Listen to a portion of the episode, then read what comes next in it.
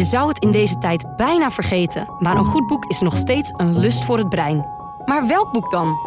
Tom de Kruif neemt er iedere week drie onder de loep en wordt daarbij bijgestaan door Ria Kostelijk in de podcastserie Mens en Boek.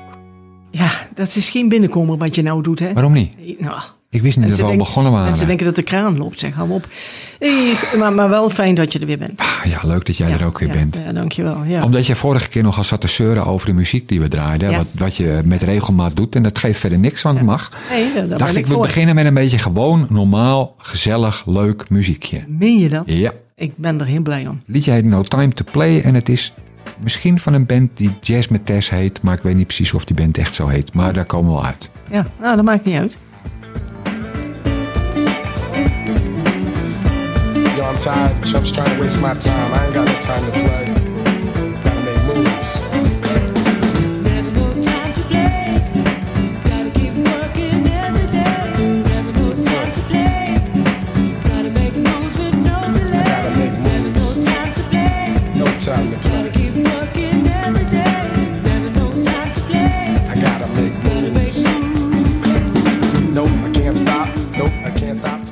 Dat ze veel moeite heeft gehad om de tekst te leren.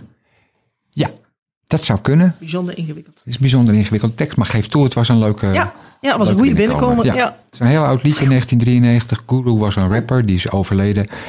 De gitarist doet er aan mee. Ronnie Jordan, die was wel, is wel een bekende jazzgitarist. En de zangeres met die moeilijke tekst heette DC Lee. En die was getrouwd met Paul Weller. En vandaag doen we geen liedjes van Paul Weller. Maar goed. ehm, Ik ben toch zo blij met jou. hè? Ja, dat weet ik. En Ja. altijd van die kronkels en dan blijkt het oh, eh, zo gaat het de hele dag in mijn hoofd. Mijn hoofd wil je niet. We doen een boek. Ja? En ik had dat- vorige keer, heb ik al gezegd, mijn kat had last van, bleken Ja. ze tanden te Ja, zijn. ja. Eh, hoop gedoe. En, Beter? Nu? nou, nu wel, ja. Maar toen ik het boek, eh, moest ik een boek lezen en Ja, toen niet. ja, dus ik dacht, nou, mee. ik doe nog maar weer een thriller. Ik dacht, John Grisham, en ik zag het Oh, liggen, ja, The Deal.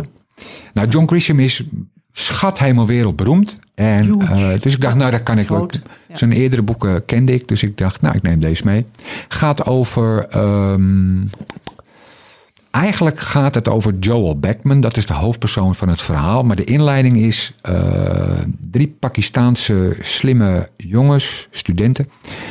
Die kraken een beveiligingssysteem van een satelliet Oh, weten een heleboel dingen aan elkaar te knopen en blijken dan toegang te hebben tot echt hele supergeheime eh satellieten die overal zweven. Die schrijven een programma en willen dat verkopen aan de hoogste bieder. En om het te Beckman... ontregelen? Of om, Nee, nee, nee, gewoon om, om geld te verdienen en Oh, wat ja, ja, iemand ja. verder met dat ding doet. Eh, het speelt verder totaal geen rol. Oh, Joel Beckman, die gaat dat voor hun verkopen. Hij is een eh, eh, regelaar, werkt in Washington D.C. en kent iedereen en alles en weet ik niet wat. niet vies van geld. Wat? Niet vies van geld. Totaal niet. Dat dacht ik al. Ehm, maar ook dat verkopen komen we verder in het verhaal niet tegen. Dat is de inleiding. Het verhaal begint als Beckman in de, in de gevangenis zit. Daar heeft hij zes jaar gezeten, want hij is gearresteerd vanwege dat Mhm. ja, verkopen. ja, ja. Maar die jongens waarschijnlijk niet. Nee, die zijn dood. Uh, dat is namelijk enigszins van belang. Oh. Um, ik probeer het me even allemaal te herinneren. Want kijk, Beckman wilde dat verkopen aan de hoogste bieder. En dan heb je het over landen. Je hebt Saudi-Arabië, Israël, China, China, Rusland, Amerika. Amerika. Ah. Nou, in ieder geval niet gelukt. Um, hij zit in de gevangenis, maar wordt vrijgelaten door de aftredende president.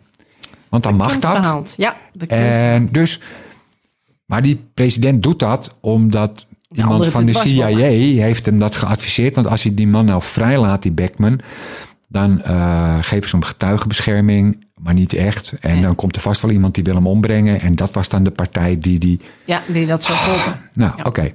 Tot zover de ingewikkelde dingen. Beckman wordt vrijgelaten en gaat naar, uh, met een uh, begeleider naar Italië, waar hij een andere identiteit krijgt. Mm -hmm. Hij leert Italiaans praten en uh, omdat hij geloofwaardig moet zijn als Italiaan, uh, nou, ook de Italiaanse cultuur en al dat soort dingen. Ja, en het gaat maar door.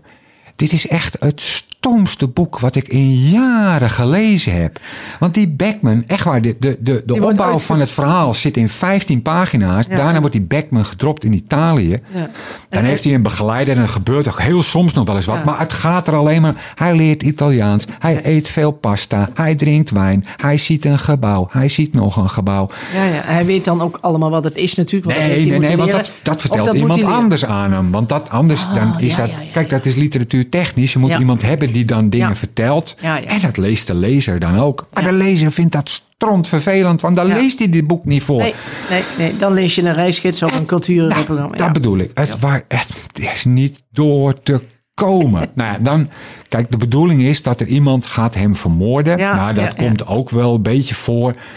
Maar komt niet echt van de grond. Nee. Op een of andere manier weet die Beckman, ik was toen al lang afgehaakt, eh, toch te- terug te gaan naar Amerika. Want hij wil toch alles hij- weer goed ja. maken. Oh, het.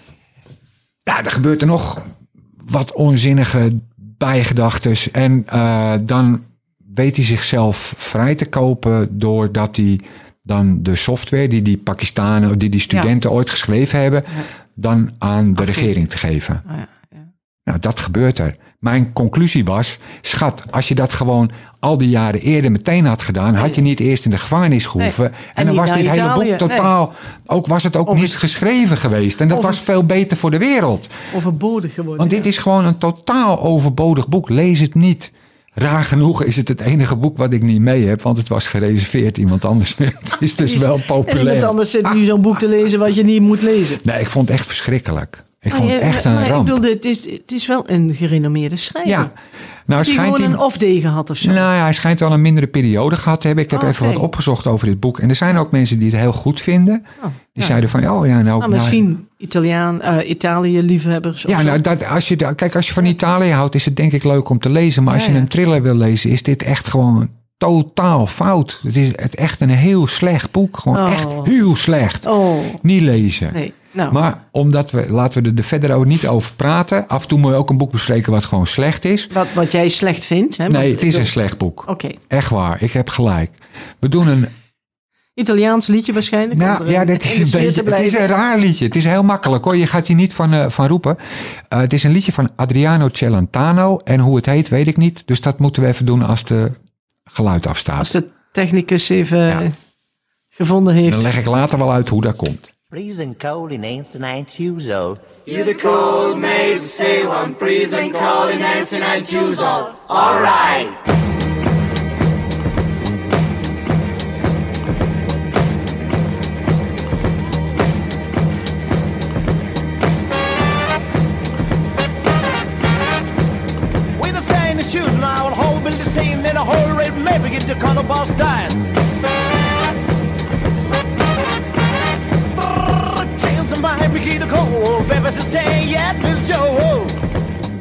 Het is wel een bekend liedje. Ja, maar Ja, het ik- is- het is niet zoiets dat ik denk van, oh ja. Nou, het is, het is, ik kwam het. eh, Ik zag het voorbij komen, een clipje. Het heeft een heel mooi clipje. Het is een liedje uit 1972. Het heeft een heel mooi filmpje. Maar ik weet niet hoe je het uitspreekt. Het is een hele lange titel. Het grappige aan het liedje is ehm, dat Celentano, de Italiaanse zanger, Mhm. eh, heel bekend. Maar in die tijd. ehm, ik heb twee uitleggen gelezen, want hij zingt in een niet bestaande taal die op Engels lijkt. En er zijn twee dingen. Eh, de ene uitleg, en die vind ik het mooiste, dus die doen we. Ehm, mensen, hij, hij was ervan overtuigd dat hij een liedje kon maken. En als hij dan maar in een soort pseudo-Engels zong, dat mensen dat echt prachtig vonden. Want iedereen was zo gek op dat Engels wat je steeds meer hoorde. Dat zou verkopen als een stekker. Nou, dat deed het ook. Maar hij, je, je herkent geen woord. Het is een totaal verzonnen taaltje waar hij in zingt.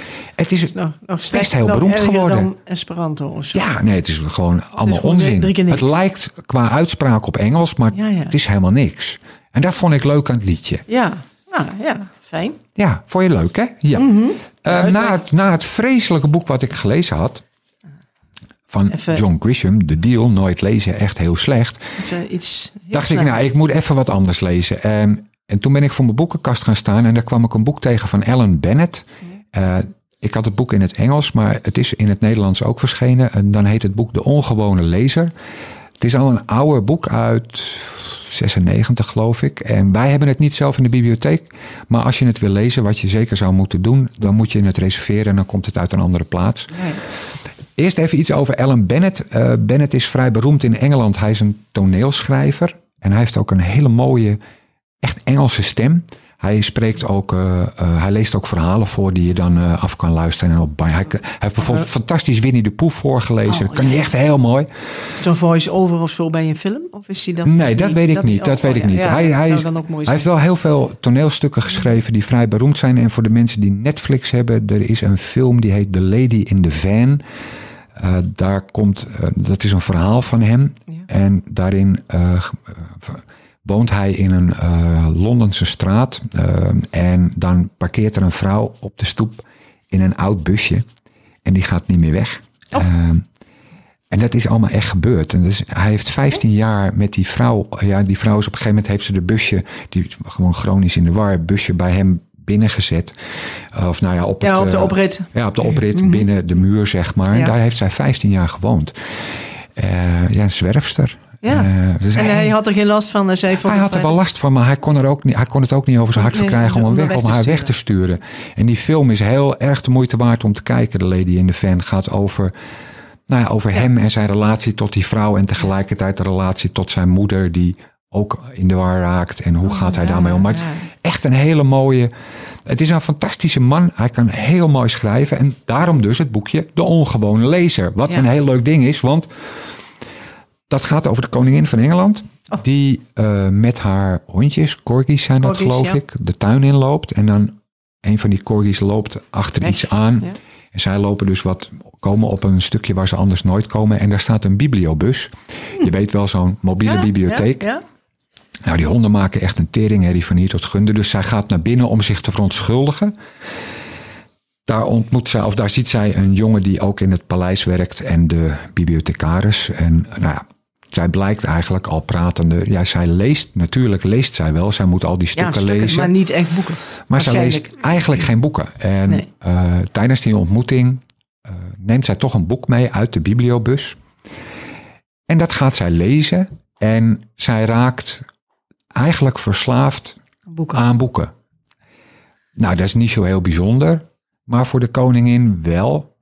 Want dat lezen, dat gaat steeds grotere vormen aannemen. Ze heeft er waardoor- geen tijd voor waarschijnlijk. nou ja, waardoor, zij kiest voor het lezen Ja, en heeft ja, steeds minder tijd voor haar normale beslommeringen. Eh, Ze, Beentjes doorknippen. nou ja, ze doet het allemaal wel. Er is daar een, een, een heel mooi stukje bijvoorbeeld is... ehm, als het eh, parlementaire jaar geopend wordt... dan moet zij, de- net als hier in Nederland... Ja, maar de zij houdt een toespraak. Nou, dan gaat niet in een koets, maar in een auto gaan ze erheen. Maar Ondertussen zit ze misschien nog te ze lezen. zit te Oh, lezen. geweldig. maar ze zit gewoon... En met één hand houdt ze de boek open. En Ja, dan En de andere vond zwaait ze wat.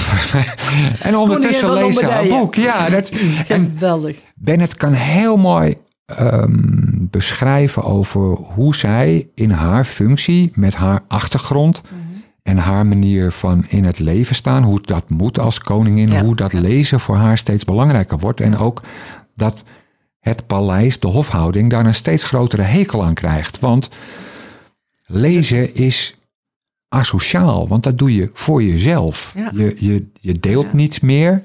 Ehm, dus zij raken langzaam de grip op de koningin kwijt. ja. En dat is echt helemaal. Ik vond het een prachtig. Ik had het ooit al eens gelezen, maar ik heb het laatst herlezen. Dus ik vond het een prachtig boekje om te lezen. De, Het is ook niet zo heel erg dik. nee, nee, nee. Je hebt het, eh, als je een beetje doorleest, heb je het in de middag uit. Maar dan lees je misschien te vlug, want het is wel een boekje met hele mooie zinnen. Ja, ja. Het bouwt naar een Klimaat. bijeenkomst toe waarin de koningin haar het paleis uitnodigt. Want zij wil, nou ja, ze begrijpt, het is nu toch wel een probleem dat lezen.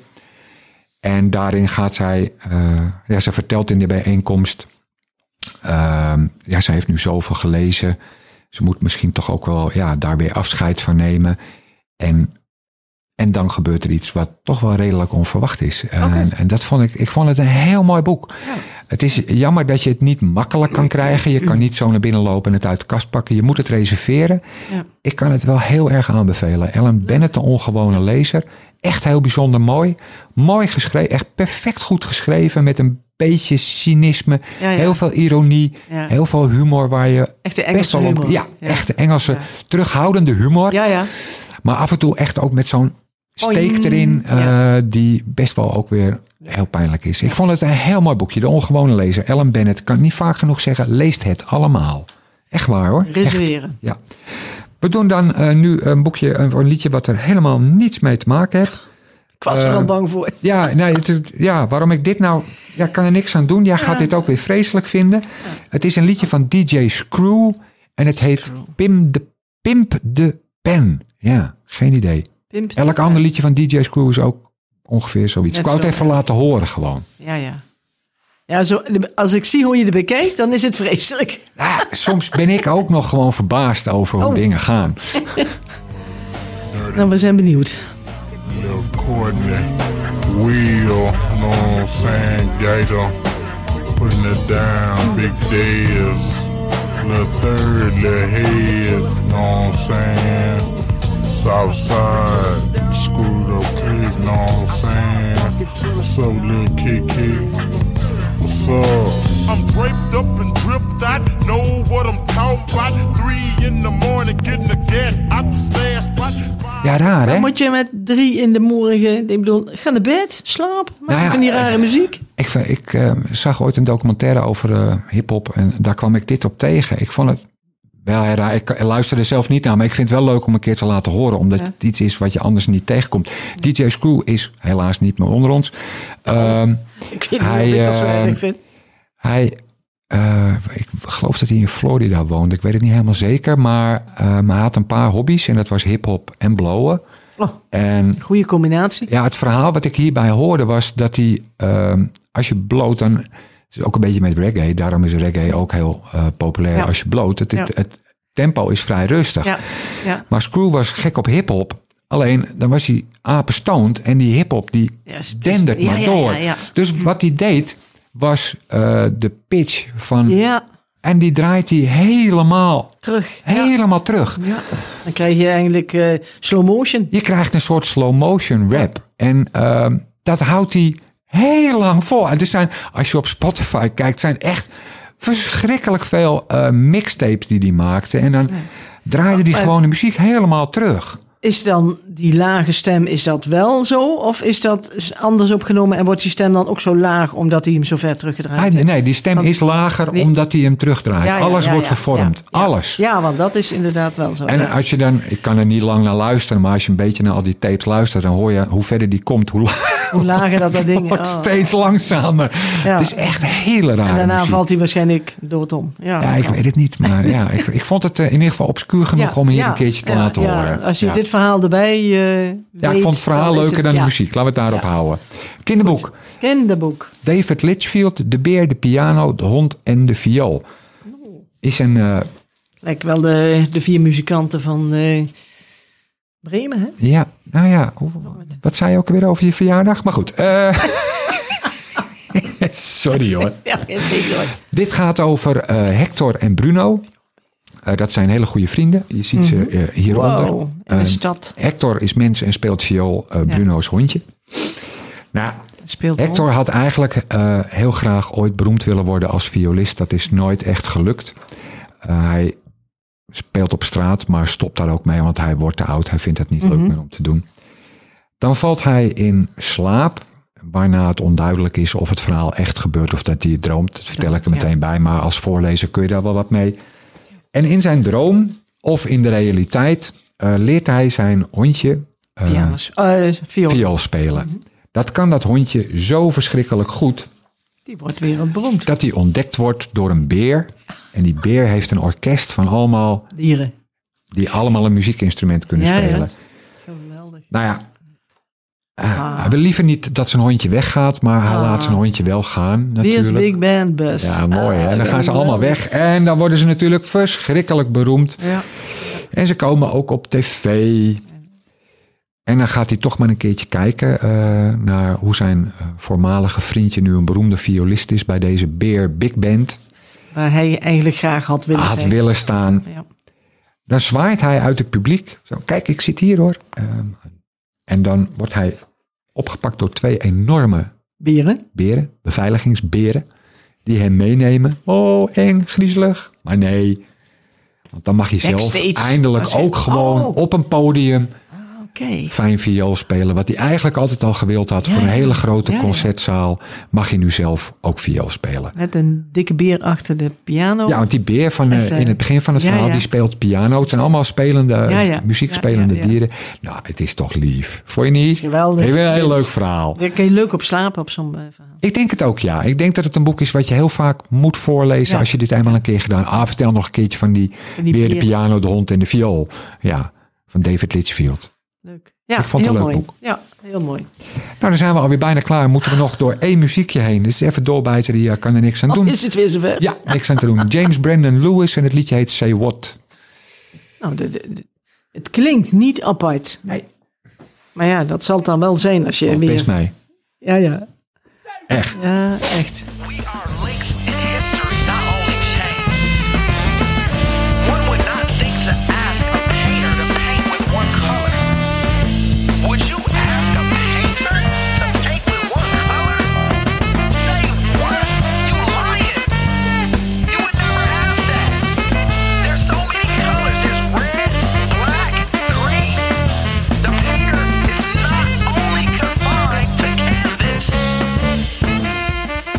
Het gaat heel lang door. Maar, Ja, eh, ja, het gaat weer altijd heel lang door dit soort dingen. ja, James Brandon Lewis, ja, prachtige saxofonist. Ja. Ehm, Dat dan weer wel. Ja, nou, dat, hij kan voornamelijk hij kan heel goed spelen. Hij speelt ook ontzettend. Hij blaast heel erg hard. Ehm, Zo te horen wel. ik zag hem een keertje in, een, eh, eh, in de bovenzaal van Paradiso. En er stonden, het was niet echt druk, zeg maar. Hier komen niet veel mensen voor. Maar ze stonden allemaal leuk voor het podium. En hij begon te spelen. En echt letterlijk iedereen deed een stap achteruit. Want hij speelt. Het is niet eens qua volume zo hard. Maar het is zo verschrikkelijk intens. Die man die, gaat gewoon helemaal op in zijn saxofoon. En dat Met duurt, hart en ziel blaast ja, op echt. ding. Oh. Het is heel serieus. Ja, ja. Eh, het is echt fantastisch om te zien. Maar het is wel even schrikken, zeg maar. Nou Als ja, je het dat niet kent, dan al. doe je echt letterlijk... Je, stapt naar achteren, want je denkt... Wat is Wow, dit nou? ja. Nou, Ja. hebben we ook weer gehoord. ja, nee, helemaal geweldig. Nou, dankjewel. We zijn Corona, corona, klaar. Ja, nou ja. Niet zo zielig. Ja, nou ja, ik ben er wel een beetje klaar Het is mee nu, hoor. Niet zeuren. Ja, Ja, ja, ja, Stel. ja, ja, ja. dankjewel. Nou, graag gedaan. dat jullie er waren, jongens. Tot de volgende keer. Ja. Mens en Boek is een samenwerking tussen Streekstad Centraal en Bibliotheek Lange Dijk. En natuurlijk te vinden op streekstadcentraal.nl.